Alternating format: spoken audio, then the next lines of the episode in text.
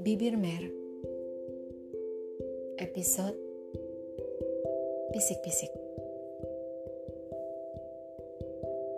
Petir menyambar-nyambar sore itu dan hujan deras sekali. Seorang gadis kecil merutuk dalam hati menyesali kealpaannya membawa payung. Padahal tadi ibunya sudah mengingatkan. Tinggal beberapa puluh meter lagi menuju rumah. Dan ia sudah membayangkan nasi panas dan jeroan ikan pemberian Mak Salama, tetangga mereka yang berjualan ikan di pasar. Langkahnya menjejak jalanan becek yang tak ia hiraukan sama sekali. Biarlah sepatunya basah, toh besok hari Minggu. Sekalian saja, dia akan segera menyucinya besok. Namun, tinggal beberapa meter lagi, tangan gadis kecil itu ditarik seseorang menjauh dari rumahnya. Saat akan berteriak mulutnya dibekap. Tangan dan kakinya meronta, menjambak dan menendang ke segala arah. Kini ia menyesal tak mengikuti ekstrakurikuler pencak silat seperti arahan wali kelasnya, Bu Ayumi. Orang itu terus menariknya semakin jauh. Tangan gadis itu melambai, seolah meminta pertolongan, berharap ada seseorang yang lewat ataupun melihatnya. Namun, jalanan sore itu tetap sunyi Pintu-pintu tertutup rapat. Tak ada seorang pun berlalu lalang saat hujan deras seperti ini. Hatinya mencelos putus asa. Tapi ia tetap berdoa, mohon pertolongan Tuhan, semoga sudi mengirimkan malaikatnya ke bumi.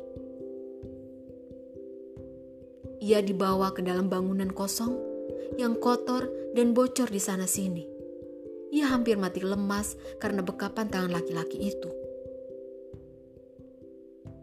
lalu mulai dirasakannya sentuhan demi sentuhan di atas tubuhnya.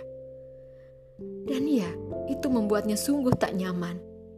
Setengah sadar dengan sisa tenaga yang masih ia punya, gadis itu meronta, menendang, dan hampir berteriak. Kalau saja si lelaki itu tidak segera membungkamnya dengan mulutnya yang membuat ia mual. Dan semua tiba-tiba gelap. Kembali ia merasa terpuruk dan terburuk, melolongkan jeritan.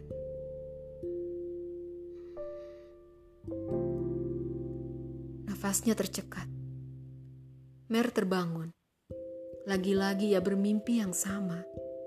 Sudah sepuluh tahun, tapi tetap saja mimpi itu menghantuinya. Menyebalkan. Keringat yang membasahi kening dan lehernya segera ia seka mengambil sebatang permen loli, lalu keluar, duduk di bangku yang ada di loteng sempit itu. Angin dingin pagi menusuk rusuk dari celah kaos kutungnya. Bulu roma pada paha dan betisnya berdiri karena Mel hanya memakai hot pants. Lalu arah pandangnya jatuh ke gerobak bubur ayam Sanusi yang nongkrong di bawah sana, tepat di depan kosan gerhana sahabatnya. Perutnya menjerit. Di rogohnya saku jaket yang tersampir di paku dekat pintu. Ah, lima ribu. Mer mendengkus. Teringat kejadian tempo hari yang memaksanya mengungsi sementara waktu. Rasa kesal hari itu membumbung kembali, membuat kedua tangannya mengepal. Penuh kesesalan. Bapak Jahanam. Membayang lagi bagaimana perlakuan Suroso pada istrinya Martina. Berpindah-pindah demi menghindari lelaki tak tahu diri itu. Tapi toh, mereka tetap saja ditemukan.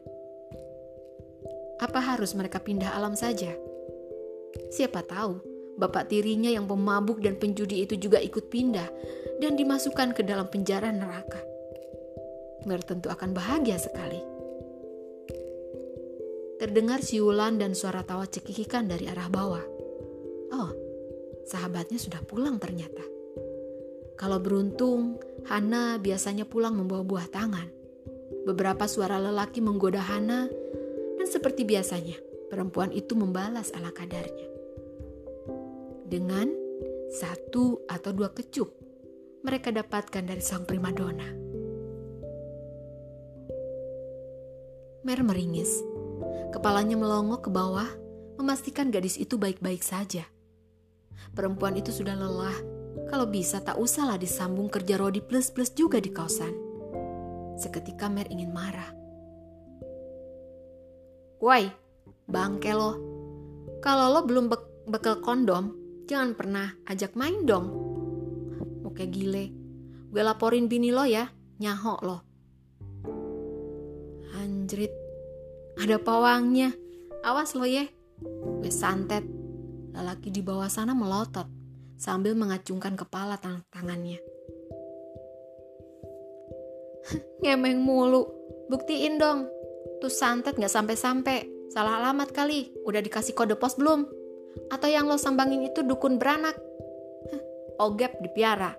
Selorohnya sambil berkacak pinggang. Terdengar lagi umpatan serta sumpah serapa yang sudah biasa ia dengar dari para lelaki itu yang sudah pergi menjauh. Mer menanggapinya dengan kekehan panjang. Ya, lumayan. Ada hiburan kala perutnya lapar. Eh, bawa apa anak? Sambut Mer begitu Hana tiba di atas.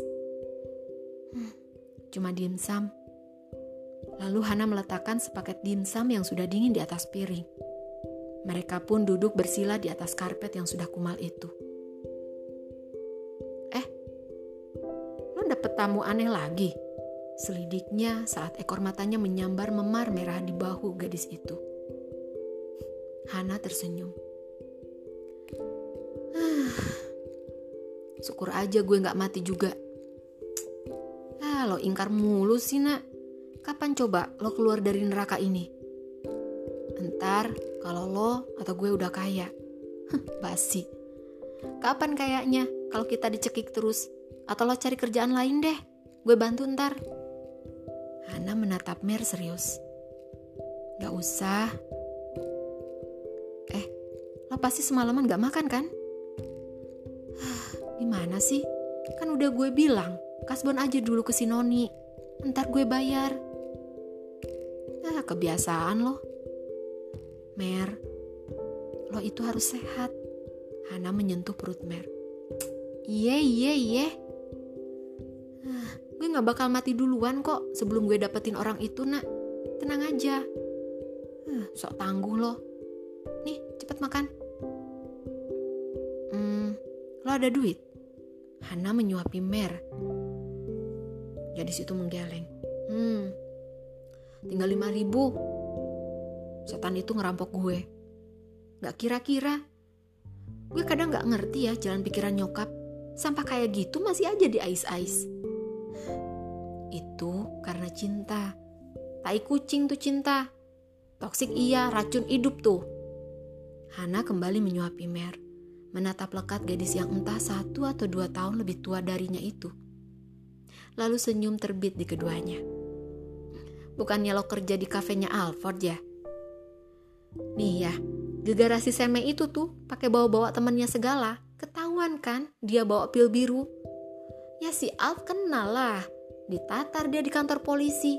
Gak tahu tuh abis berapa dia dipalak. Mer memang seperti itu. Yang nanya cuma berapa kalimat, dia jawab berapa bait. Paling nih ya, dia pakai orang dalam biar bebas kayak biasanya. Udah pasti. Duit berkuasa sis. Apa pun, asal lo punya duit. Setan pun berubah jadi malaikat. Mer tergelak dengan enaknya hingga matanya berair. Hana menggeleng. Kadang ia tak habis pikir dengan cara hidup sahabatnya itu. Hidup belangsak, kerja serabutan, jadi barista, kadang nyambi jadi guru ketik di kelurahan. Dan itu pun karena Pak D, penggede di Rusunawa di mana keluarga Mer tinggal. Atau jadi sopir di pul tabung gas milik orang tua Alford. Apa pun akan Mer lakukan untuk keluarga kecilnya, demi ibu dan tiga adiknya. Sebersit bangga menghangatkan hati Hana. Andai dirinya bisa setangguh dan sepengah Mer. Namun dia bukanlah Mer. to be continued.